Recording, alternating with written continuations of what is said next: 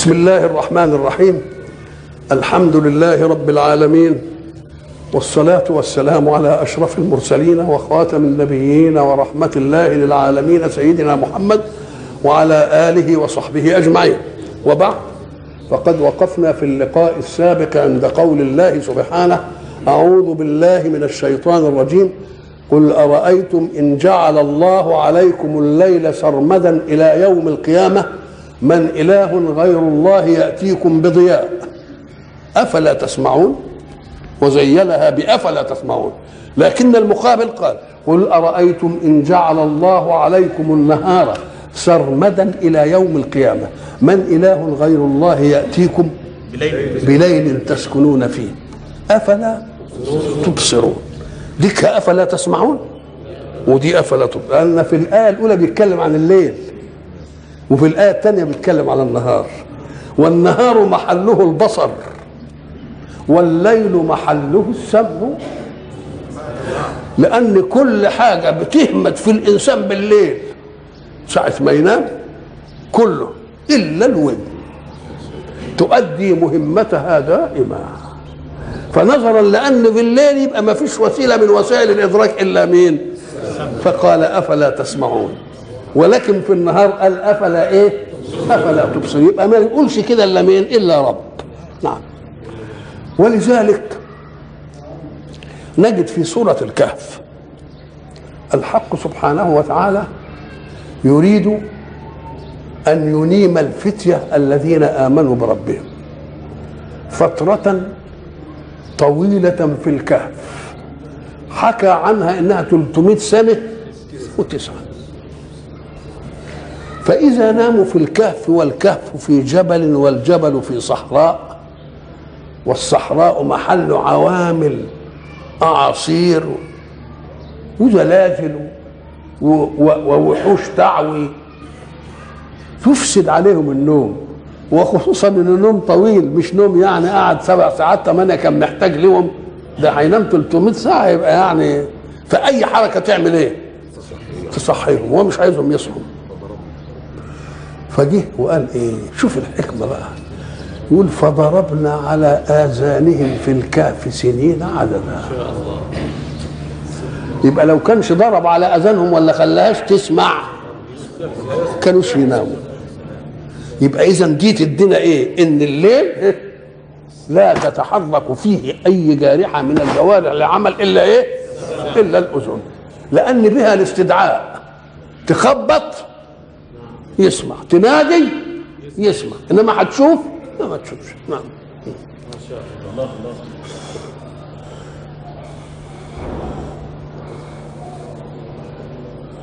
قعد يضرب لنا مثل في نفسنا. ومن آياته أن خلقكم من تراب.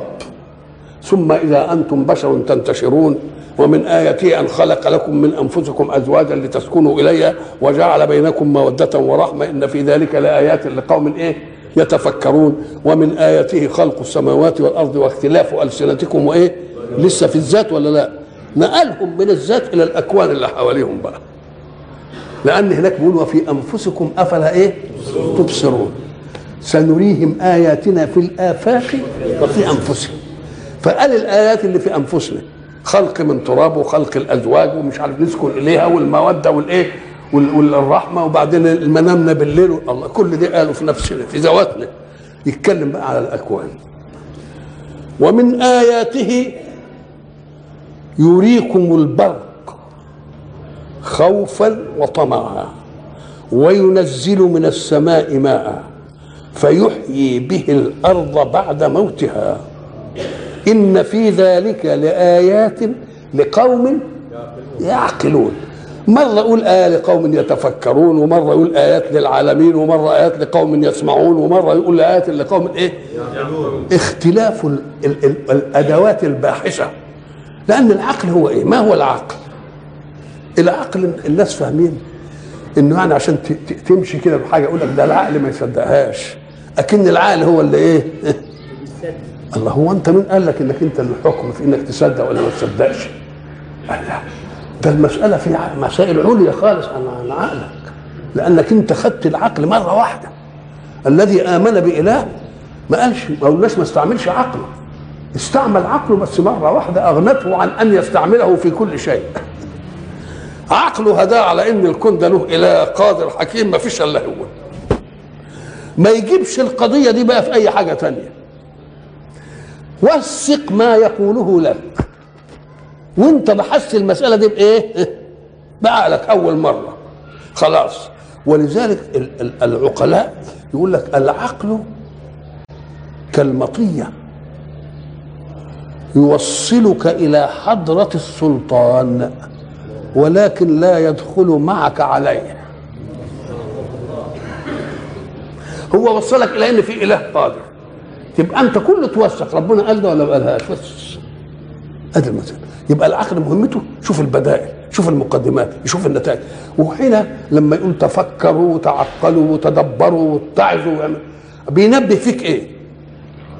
بينبه فيك أدوات المعارضة لتتأكد. زي ما تدخل تشتري قماش من محل عايز حتة صوف مثلا. يقول لك ده صوف أصلي بقى. مية مية. شوف ويجيب فتلة منه كده ويجيب عود كبريت ويروح حاططها تحت الإيه؟ تحت الفتلة. ال ال ال الصوف ما يترعاش فيه النار كده وتطلع تطلع لا. تكبكبه كده وتخليه ما يطلعش فيه لهب ابدا. إنما القطن تشوف النار بترعى في الفتلة كده يقول لك شوف يبقى صوف ولا مش صوف؟ اللي بينبه فيك وسائل النقد للأشياء يبقى واثق من بضاعته ولا لا؟ واثق منها واللي مش عايز بقى ينبهك ليه يقول لك لا ده صوف حلو ومش عارف إيه وروح ناطر البتاع ويكروتك. فربنا كل حاجة ينبهنا يقول اتفكروا. إيه؟ اتذكروا اتعقلوا اتدبروا يكونوا علماء خليكوا ناصحين. قال لا يبقى دليل على أننا لو استعملنا هذه الأشياء نصل إلى مطلوبه ولا ما نصلش إلى مطلوبه؟ نصل إلى إيه؟ نصل إلى مطلوبه. إن في ذلك لآيات لقوم إيه؟ يعقلون. طب البرق هو إيه؟ البرق كلنا نشوفه. إحنا بنسمع كده في الجو صوت نسميه الرعد. وضوء شديد كده بنسميه البرق. دي عوامل في كهربة الجو وعامل عوامل كبيرة أو مبحوثة بحث واسع أوي. لكن كان الناس وإن لم يعرفوا أصلها بتعمل كده ليه؟ يعرفون الظواهر التي تتأتى منها. فساعة ما يشوفوا إيه؟ ضوء اللي هو البرق ده يقول لك والله حاجة من الاثنين يا يجيب لنا صعقة تحرقنا يا يسوق لنا سحاب ومطر إيه؟ ينزل لنا. الصعقة نخاف منها. والمطر نرجوه علشان يعمل الإيه؟ أم قال لك مش كل واحد يرجو المطر؟ طب افرض إنه مسافر ولا قاعد في بادية ما عندوش كن يكن فيه ولا يقويه لما يجي المطر يعمل إيه؟ أم قال لك برضه يبقى خايف من المطر يجي إذا كان مش مقيم يعني. إذا كان ظاعي الله. يبقى اذا ومن آياته يريكم البرق. خوفا وطمعا. الاثنين. الخوف لا يكون فيه إيه؟ صعقه طب والطمع في إيه؟ في إنه يكون فيه مية عشان تجي لهم ويرموا منها الأرض وبتاع. خوفا وإيه؟ خوفا وطمعا دي تمشي ودي تمشي. علشان يفضل العبد دائما مع ربه بين الخوف والرجاء. يفضل كده. خوف وإيه؟ ورجاء. ما فيش استنامه لشيء ال- ال- الصور دي القرآن برضو عرضها عرضها ثانية آه، قوم عاد. آه، اللي هم كان رسولهم وإلى عاد أخاهم هودا. بيقولوا أنت جئتنا لتأفكنا عن آلهتنا. قال أنا ما أعرفش. أنا ربنا بعتني بالحكاية دي ولا أعرفش إلا كده. قال لي بلغ وأنا بقى إيه؟ ببلغ. قالوا ائتنا بعذابنا إن كنت من هات لنا العذاب اللي أنت بتعدنا به دي. مش بتقول ما أمنتوش هعذبكم طب هات العذاب ده قال والله دي مش في إيدي. إنما في إيد مين؟ في إيد ربنا. إن شاء جابوه فلما رأوه عارضا مستقبل أوديتهم غيم كده جاي كتير وجاي عليهم كده. قالوا هذا عارض ممطرنا. قال لهم لا بل هو ما استعجلتم به. مش تقولوا إيه فاتنا بإيه؟ آه. ريح فيها تدمر كل شيء بأمر ربها. فأصبحوا لا يرى إلا إلا مساكنهم. يبقى دي جت دي ودي جت دي ومن آياته يريكم البرق خوفا وطمعا. وبعدين من رحمته إنه يغلب انفعال الطمع في الماء. وينزل من السماء ماء فيحيي به الأرض بعد موتها. إن في ذلك لآيات برضو لقوم يعقلون. المطر بينزل من السماء. ما هي السماء اولا؟ السماء لها مدلول غالبي وهو السماوات السبع. ومدلول لغوي عام وهو كل ما علاك فأظلك. المطر ما بينزلش من السماء. المطر بينزل من السحاب اللي على راسه يبقى معنى السماء كل ما علاك فإيه؟ فأظلك. ينزل من السماء ماء يقوم يحيي به الأرض بعد موتها. لو نظرت إلى الماء اللي ينزل من السماء لوجدته من سحاب متراكم. ألم تر أن الله إيه؟ يزجي سحابا ثم إيه؟ يؤلف بينه. ثم يجعله فترى الودق يخرج وينزل من السماء من جبال فيها من برد الله ادانا الصورة. يبقى أكن المية اللي نازلة دي عبارة عن سحاب متجمد. السحاب بيجي إزاي؟ أم قال لك لو نظرت إلى الأرض التي نعيش عليها لوجدت ثلاث أرباعها ماء وربعها يابسة. شوف الماء ده بقى اللي هو جعلنا من الماء كل شيء إيه؟ حي يبقى المية ثلاث أرباع اليابسة. كأن المية اللي ثلاث أرباع اليابسة دي جاية ثلاث أرباع دول عشان يخدموا إيه؟ يخدموا الربع. إزاي؟ قال لك سطح الأرض ثلاث أرباع كده السطح واسع. وكل شيء في الماء يتسع سطحه يبقى يكثر تبخره. هات كوباية وحط فيها مية. واملاها وسيبها في البيت شهر. وارجع كده افتح الباب تلاقيها محطوطة في الماء. تلاقيها نقصت قد إيه؟ يمكن سنتي ولا نص سنتي. ليه؟ الرقعة بتاعت سطح الماء. قليله فالبخر يضرب على قد كده. طبعا خد المية ده هي الكوبايه وسيق بها أوضة ولا الصالة كده. قبل ما تطلع من البيت تكون اتبخرت ونشفت. الله. إذا كل سطح الماء ما يتسع. يبقى البخر يزداد. فعمل ثلاث ارباع ال- الأرض مية. عشان يخدم إيه؟ الربع تفضل بقى العوامل الحرارة والهواء والبتاع ويفضل الإيه؟ تطلع الميه لفوق. إما تطلع الماء لفوق دي اسمها التقطير إحنا مش نعرف شيء اسمه التقطير في الاجزخانات لما يقول لك ماء مقطر. مقطر يعني إيه؟ يعني نحطه في إناء والإناء ده نقعد نجلي فيه. يقوم البخار يطلع. نمشي البخار في أنبوبة زجاجية. ونجيب مية ساقعه نخليها تمر عليها يقوم يتكثف. يبقى عملنا إيه؟ غليان وبعدين طلع بخار. وبعدين كثفنا البخار فطلع إيه؟ المية الصافية. وبقية الأدوات كلها تترسب. أهو ربنا عمل لنا عملية التقدير دي ولا يشعر بها خلقه. عمال ال- الميه ثلاث أرباع دي عماله تبخر مية حلوة حلوة كده كده. وتطلعها فوق. فتنعقد سحبا. وبعدين تيجي السحب دي الرياح تمشيها. الرياح لما تمشيها إن مشتها كل أنت عارف إنك كل ما بترتفع في الجو البرودة بتزيد ولا بتخس؟ بتزيد. شوف اهي دي كونيات تحير العقل. طب أنا لما بطلع بقرب من الشمس كان المفروض إن كل ما تبقى الحراره تزيد إيه بس إيه الحكاية الهندسة العجيبة دي. أنا المفروض كل ما أقرب من الشمس الحراره تزيد. لكن دلوقتي لما يعوز بيت عالي يعليه على يقول لك ده الأدوار العليا ولا على الجبل ولا على مش عارف إيه كل 30 متر درجة. وإن نزلت تحت الأرض كل 30 بتزيد تزيد درجة. مسألة مش مسألة عجيبة. إلى الآن ما حدش الله قال لك لا بعدين ابتدأوا يبحثوا فيه حيرت العلماء. إزاي الحكاية دي؟ بقى كل ما اقرب للشمس الحراره آه. لأنك أنت فاهم إن إن الشمس وأشعتها بتسخن الجو. لا. الشمس وأشعتها بتسخن سطح الأرض. وسطح الأرض هو اللي يدي الحرارة للجو.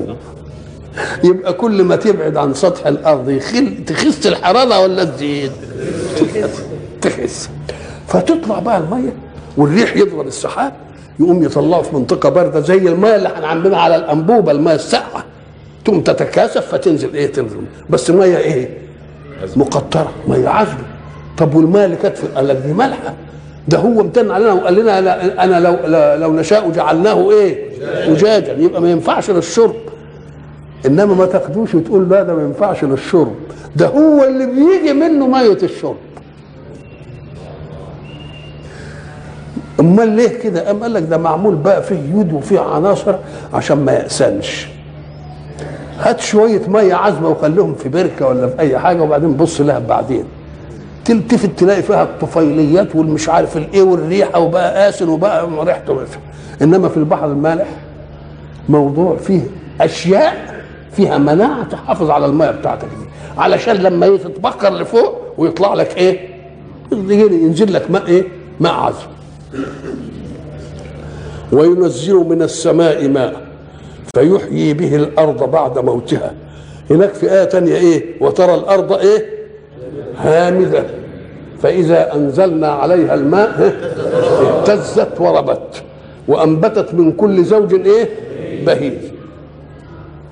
ومن آياته يريكم البرق خوفا وطمعا وينزل من السماء ماء فيحيي به الأرض بعد موتها. إن في ذلك لآيات لقوم يعقلون. ومن آياته أن تقوم السماء والأرض بأمره. أن تقوم السماء والأرض بأمره. السماء اللي هي هي السماء اللي هي السبعة المرفوعة بلا عمد قال له تدخل فيه. طب وهي من غير عمد أيوه قال لك لأن يمسكوا السماوات. لأن إحنا قلنا الشيء اللي عليك ده يا إما تحمله على إيه؟ على أعمدة زي ده إيه زي السقف ده أهو. أو تعمله حاجة تشده لفوق. حاجة اللي تشده فوق زي الكبال المعلقة اللي بتنعمل بدون إيه؟ بدون أعمدة تحت.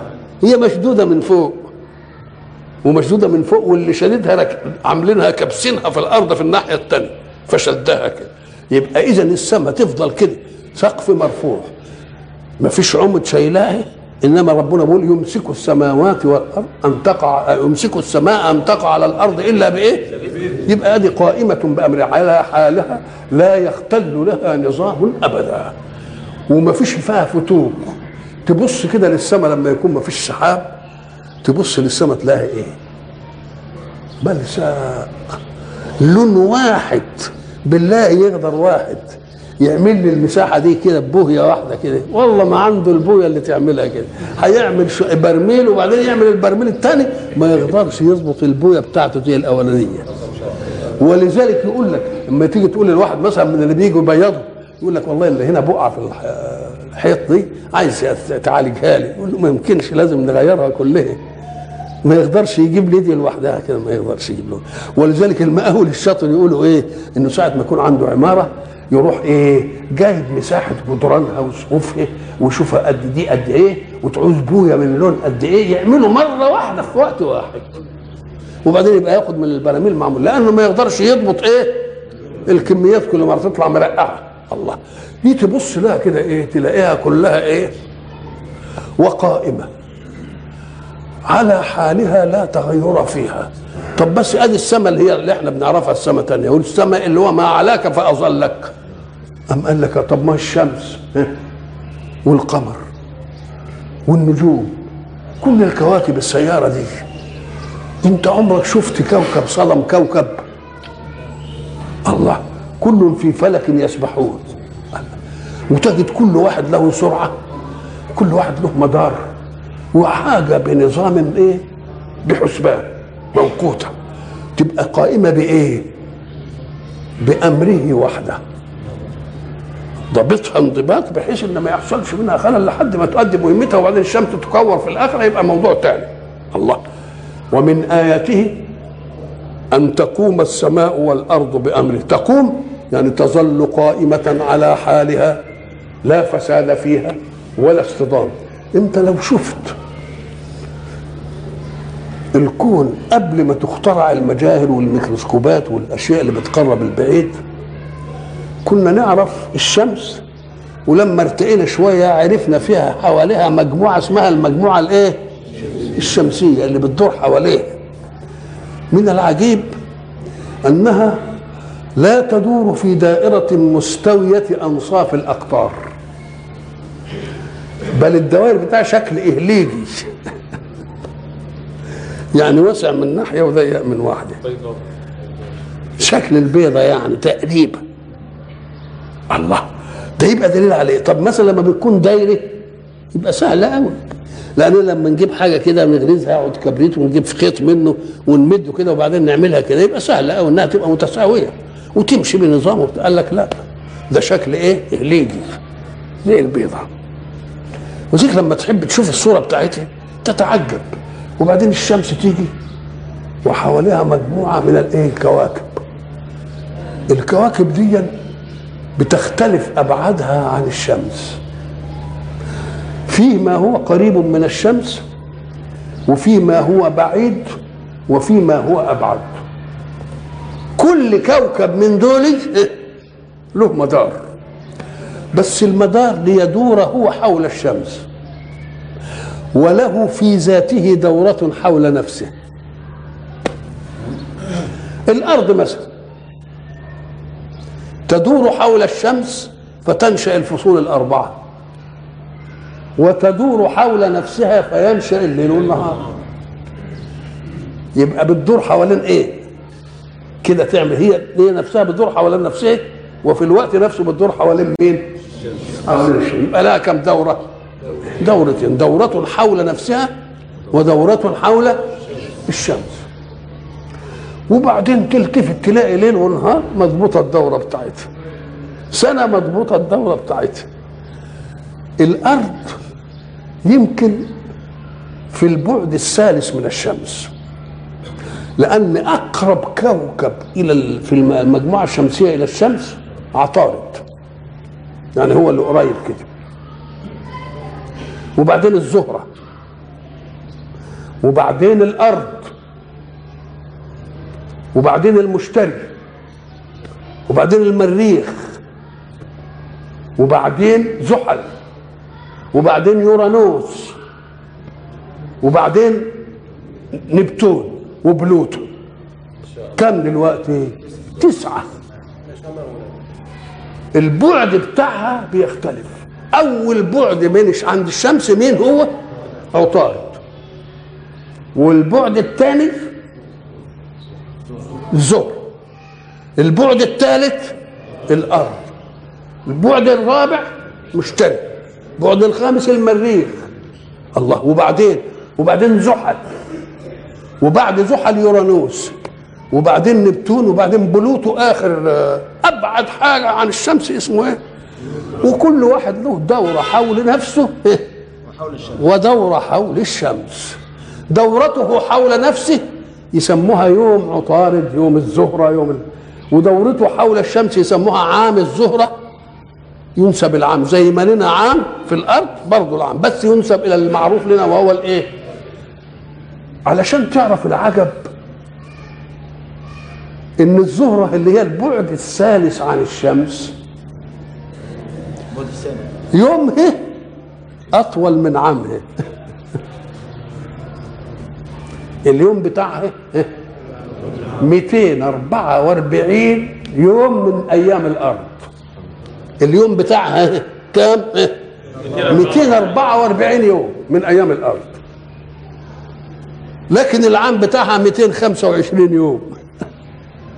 الله. قال لك لأن دي دورة ودي دورة. هي في سرعتها حول الشمس سريعة وفي سرعتها حول نفسها بطيئة. تبقى سهلة قوي. النظام اللي معمول بالشكل ده المجموعة الشمسية المجموعة الشمسية دي واحدة. الآن اكتشف أنها واحدة من مليون مجموعة زيها في سكة التبانة بتاعتنا المجرة بتاعتنا اللي إحنا بنقول عليها. وقالوا لو عندنا مجاهر تانية وبتاع نكتشف مليون مجرة. إيه الكون دي؟ يبقى لما تقرأ قول الله إيه؟ وإنا لموسعون. يعرف إنها حاجة إيه؟ ملهاش نهاية في عقولنا إحنا. ما لها نهاية عند مين؟ ومع ذلك الدورات دي والحركة دهيا ولا تجد اصطداما ولا تجد خللا. بدليل إنك أنت ضبطت كسوف وخسوف وطلع مظبوط ولا مش مظبوط؟ يبقى دليل على أن الأصل مظبوط ولا مش مظبوط؟ مش مظبوط. ولذلك اللي هو كل الأرض مش كورة ما بتدورش. نقول له أمال اللي بيتنبأوا الخسوف والكسوف؟ تبقى أنت عايز تخليهم يعلمون الغيب. بأن هيحصل خسوف إمتى وكسوف إمتى يعرفوها ده إزاي؟ ده دي مع العملية محسوبة بالميزان. فأنت بدل ما تقول إنهم يعلموا الغيب لا قول إن ربنا خلقها كده. خليها ربنا أحسن ما تبقى لهم آه نعم. ومن آياته أن تقوم السماء والأرض بأمره. ثم إذا دعاكم دعوة من الأرض إذا أنتم تخرجون. دعاكم دعوة من الأرض يعني بالنفخة الثانية مش هيتنفخ نفختين؟ إن كانت إلا صيحة واحدة فإذا هم إيه؟ لا خامدون الأولانية. والثانية إن كانت إلا صيحة. في سورة ياسين كلهم إن كانت إلا صيحة واحدة فإذا هم جميع لدينا محضرون. يبقى فيه إيه؟ صيحتين. صيحة للإيه؟ للموت الكلي وصيحة للبعث الكلي. أنت لو نظرت إلى الصيحتين الاثنين وما جعل الله فيهما من أسرار تلتقي بما في الحياة الدنيا من أسرار لوجدت عجبا. إزاي؟ قال لك ال ال اللي إحنا يعني الإنسان كل ساعة يولد له. يجي ميلاد. أنا بقول كل ساعة ده بنقربها إنما هي كل إيه؟ ثانية. لازم كل ثانية في مولود كل ثانية في وأقول ثانية لأن أنا ما جبتش مقاييس. أقل من الثانية ولذلك كل لحظة في الزمن فيها لحظة ميلاد ولحظة موت. واحد هيتولد ويفضل دقيقة وبعدين يموت واحد دقيقتين واحد ثلاثة واحد أربعة واحد سنة واحد خمس سنين واحد الله. إذا معنى ذلك إيه؟ إن إحنا اختلفت موالدنا وعلى ضوء اختلاف موالدنا اختلفت آجال موتنا. شوف بقى في الآخرة بقى. لما تيجي الصيحة الأولى إن كانت إلا صيحة واحدة فإذا هم إيه؟ الله خامدون. الموت اللي كان بيجي تباعا لكل واحد موتة وكل واحد أجل هيجي وقت يعمل إيه؟ يبقى كله. يبقى ما اختلف. فيه أمر الدنيا في المواليد اتفق أمر الدنيا كلها فيها في الخمدة. اختلفوا في المواليد. الله. طب وفي الموت برضه؟ برضه في الموت.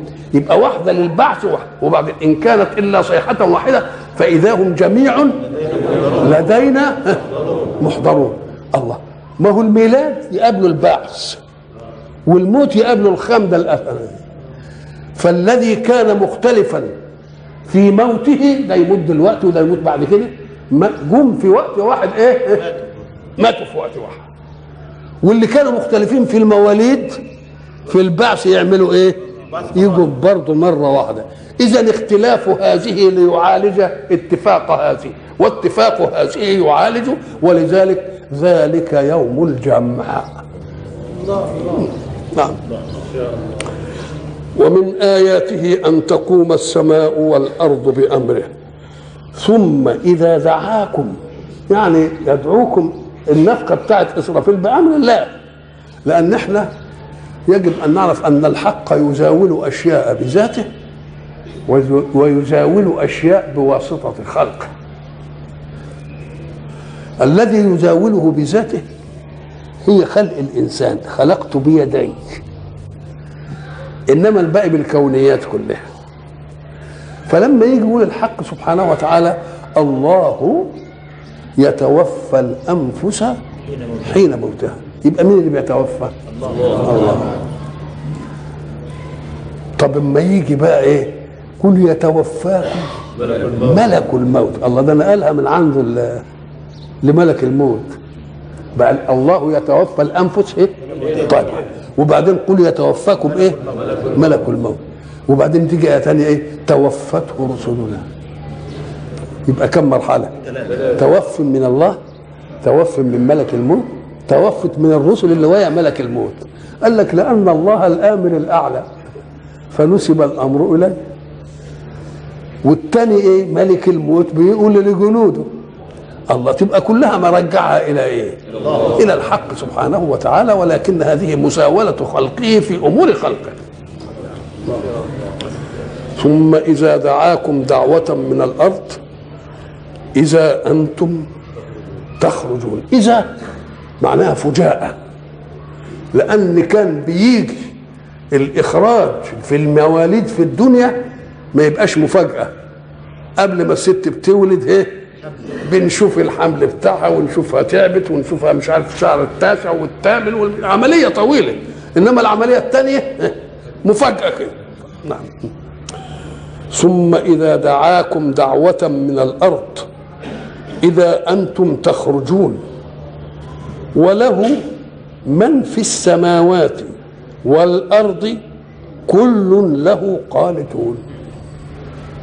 له من في السماوات هو من ولا ما؟ طب المن دي للعاقل وهو غير العاقل مش له؟ ده له. إنما كمان العقل ده هو اللي بيعمل التمرد جاب لك دول بتوع المتمردين دول الأول. إنما التاني اللي ملوش تمرد ده ما سهله يعني. يقول لك له ما في والأرض ما لهمش تمرد ولا حاجة. ما فيش جماد تأبى على الله ولا حيوان تأبى على الله. بالله لما يكون عندك أنت مثلا حيوان وبعدين كمان بيشيل سباخ. وبيشيل القاذورات وبيعمل مش عارف. وبعدين انت شفته كويس كده قلت للواد لا نظفه وأنا هعمله مطية ركوب. لا عصي في الأولى ولا يعصى في الثانية. مذلل. ولا مش مذلل؟ مذلل. خلاص هو. فذللناها. فذللنا. أولم يروا أن إيه؟ خلقنا لهم مما عملت أيدينا أنعاما فهم لها مالكون. وذللناها. مش مالكينها بقدرتهم ولا بحيلتهم ولا بعقلهم. بدليل إن أنا لما ملكهمش ليه ما حدش يقدر يستأنفها إحنا قلنا زمان. ال... ال... ال...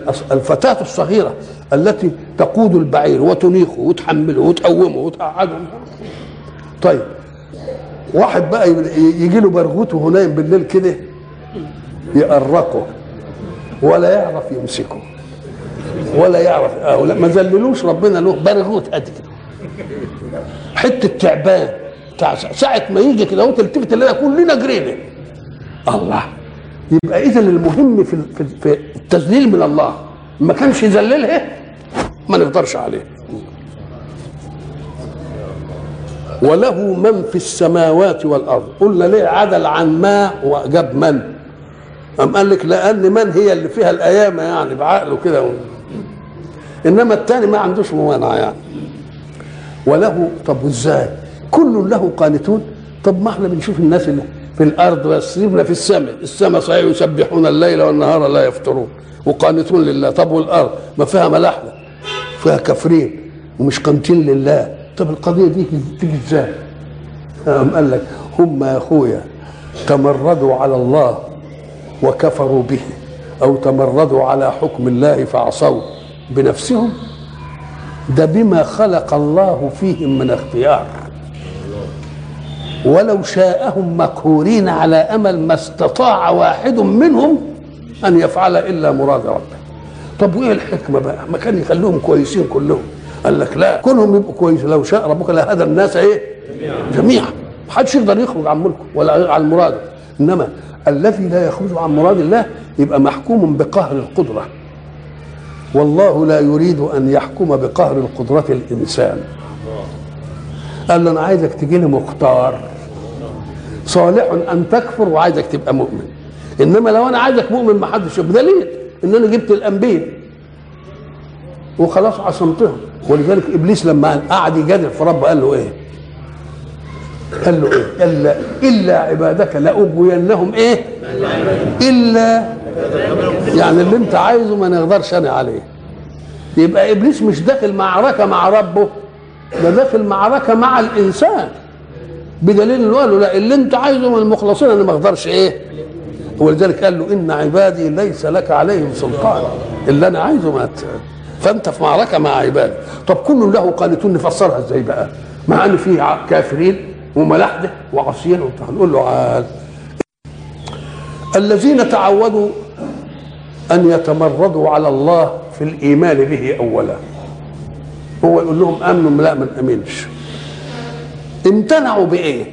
بقدرة في ذاتهم ولا باختيار خلقه الله لهم؟ من شاء فليؤمن ومن شاء فليؤمن والطاعة برضه بالشكل دي. نقول له يا أخويا تعالى بقى إما نحطك في الخاية هنا كده. أنت مش متمرد على الله فكفرت به؟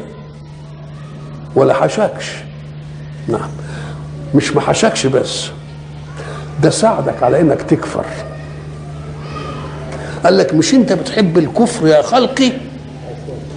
أنت خلق. حبيت الكفر؟ خلاص أنا ما اخليش يفرقك طمن.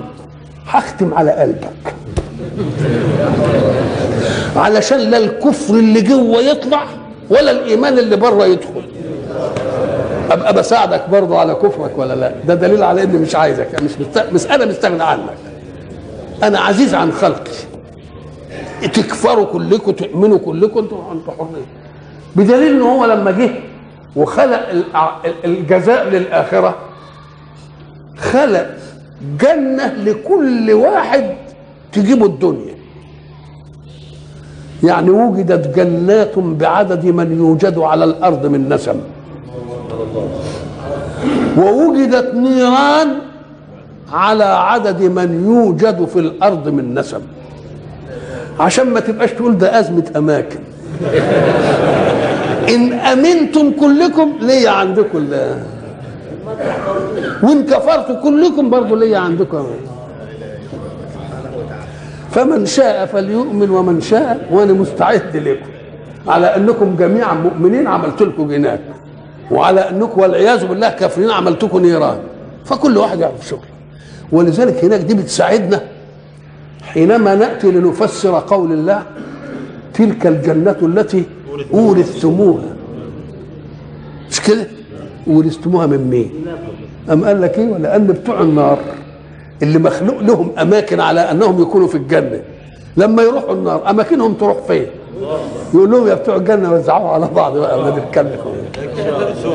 الله يبقى إذا الحق سبحانه وتعالى خلق الاختيار في الإنسان وأمن الاختيار وقال لك إن أحببت أن تظل كافرا فأنا يا سيدي أعينك على أن تكفر وهختم على قلبك وتطمن.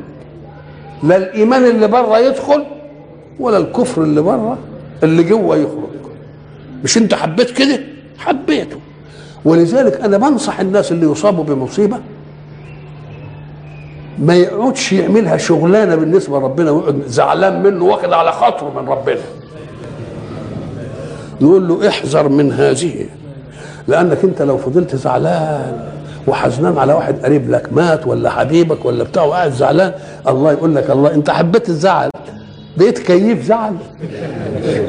طب أنا هساعدك على إنك تفضل زعلان طوال وكل شوية يتسقر عليك الحزن ويدخل. إيه؟ إدخل. ما هو انت انت مشجع؟ لا سك باب الحزن بمسمار الرضا. وانتهي خلاص خلاص انتهينا انتهت المسألة. آه انتهت المسألة. نعم. نقول له يا أخويا اللي متعود التمرد على الله وكفرت بيه. وتمردت على الله وعصيته. ما دام انت متعود عم متربى عم عامل رياضة على الحكاية دي. طب اذا بقى يا شيخ خليك منطقي مع نفسك. وساعه ما يعييك قول له لا مانيش عيان ساعة ما يجي يموتك قول له لا مانيش ميت ساعة ما يجري إذا أنت مقهور قهرا عنك.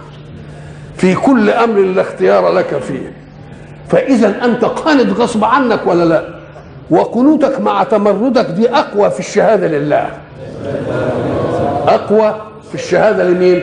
لله. وله من في السماوات والأرض. كل له قانتون اللي هي في الأمور اللي هي بقى في الأمور الاضطرارية اللي مش داخلة في اختياره. اللي داخل في اختياره التكليف والإيمان وغيره. واللي مش داخل في اختياره. خاضع لها ولا مش خاضع؟ خاضع لها. إن كنت بقى شاطر ما دام متمرد كان يجي قضاء وتتمرد عليه. إنما دليل على إنك أنت مالكش إنك أنت بيجي قضاء غصب عنك وأنت كاره. يمكن المحب يقول لك أنا بعمل كده ربنا عايز كده خلاص. إنما أنت كاره وكافر بيه. نعم. وله من في السماوات والأرض. كل له قانتون خاضعون لا يستطيعون الفكاك عن قضائه ولا عن قدره. مع أنهم تعودوا التمرد على الله في كثير من الأشياء. فما لكم لا تتمردون على هذه. دليل على أنكم استخذتم الاختيار في غير محله. لأن اللي عايز يبقى مختار بقى يبقى مختار في كل حاجة. إنما مختار في حاجة ومختار في حاجة ما ينفعش دي. وله من في السماوات والأرض. كل له قانتون. وهو الذي يبدأ الخلق ثم يعيده. طب كل دي كل ساعة يجيب لنا خلق والإعادة ومش عارف وهو أهون عليه. قال لك ما هي دي كانت اللي هي الأساس. لأنهم لو كانوا يؤمنون بأنهم يرجعون إلى الله كانوا يمكن يخافوه. فبيتك على دي قوي كل ساعة يقول إيه. وهو الذي يبدأ الخلق. هو يبدأ الخلق ولا بدأ الخلق؟ إن ذكرت الأولى فقد بدأ. وإن ذكرت الاستمرارية في الإيجاد فهو يبدأ دائما. كل يوم تشوف حاجة كل يوم تشوف حاجة. مش عملية. خدها في وقت وانتهينا. لا هو بدأه ولذلك كما بدأكم تعودوا وهنا يبدأ عشان استمرارية الحدث. وهو الذي يبدأ الخلق ثم يعيده وهو أهون عليه. الله أهون معناها أفعل تفضيل من هو هين. هذا هين وهو إيه؟ أهون.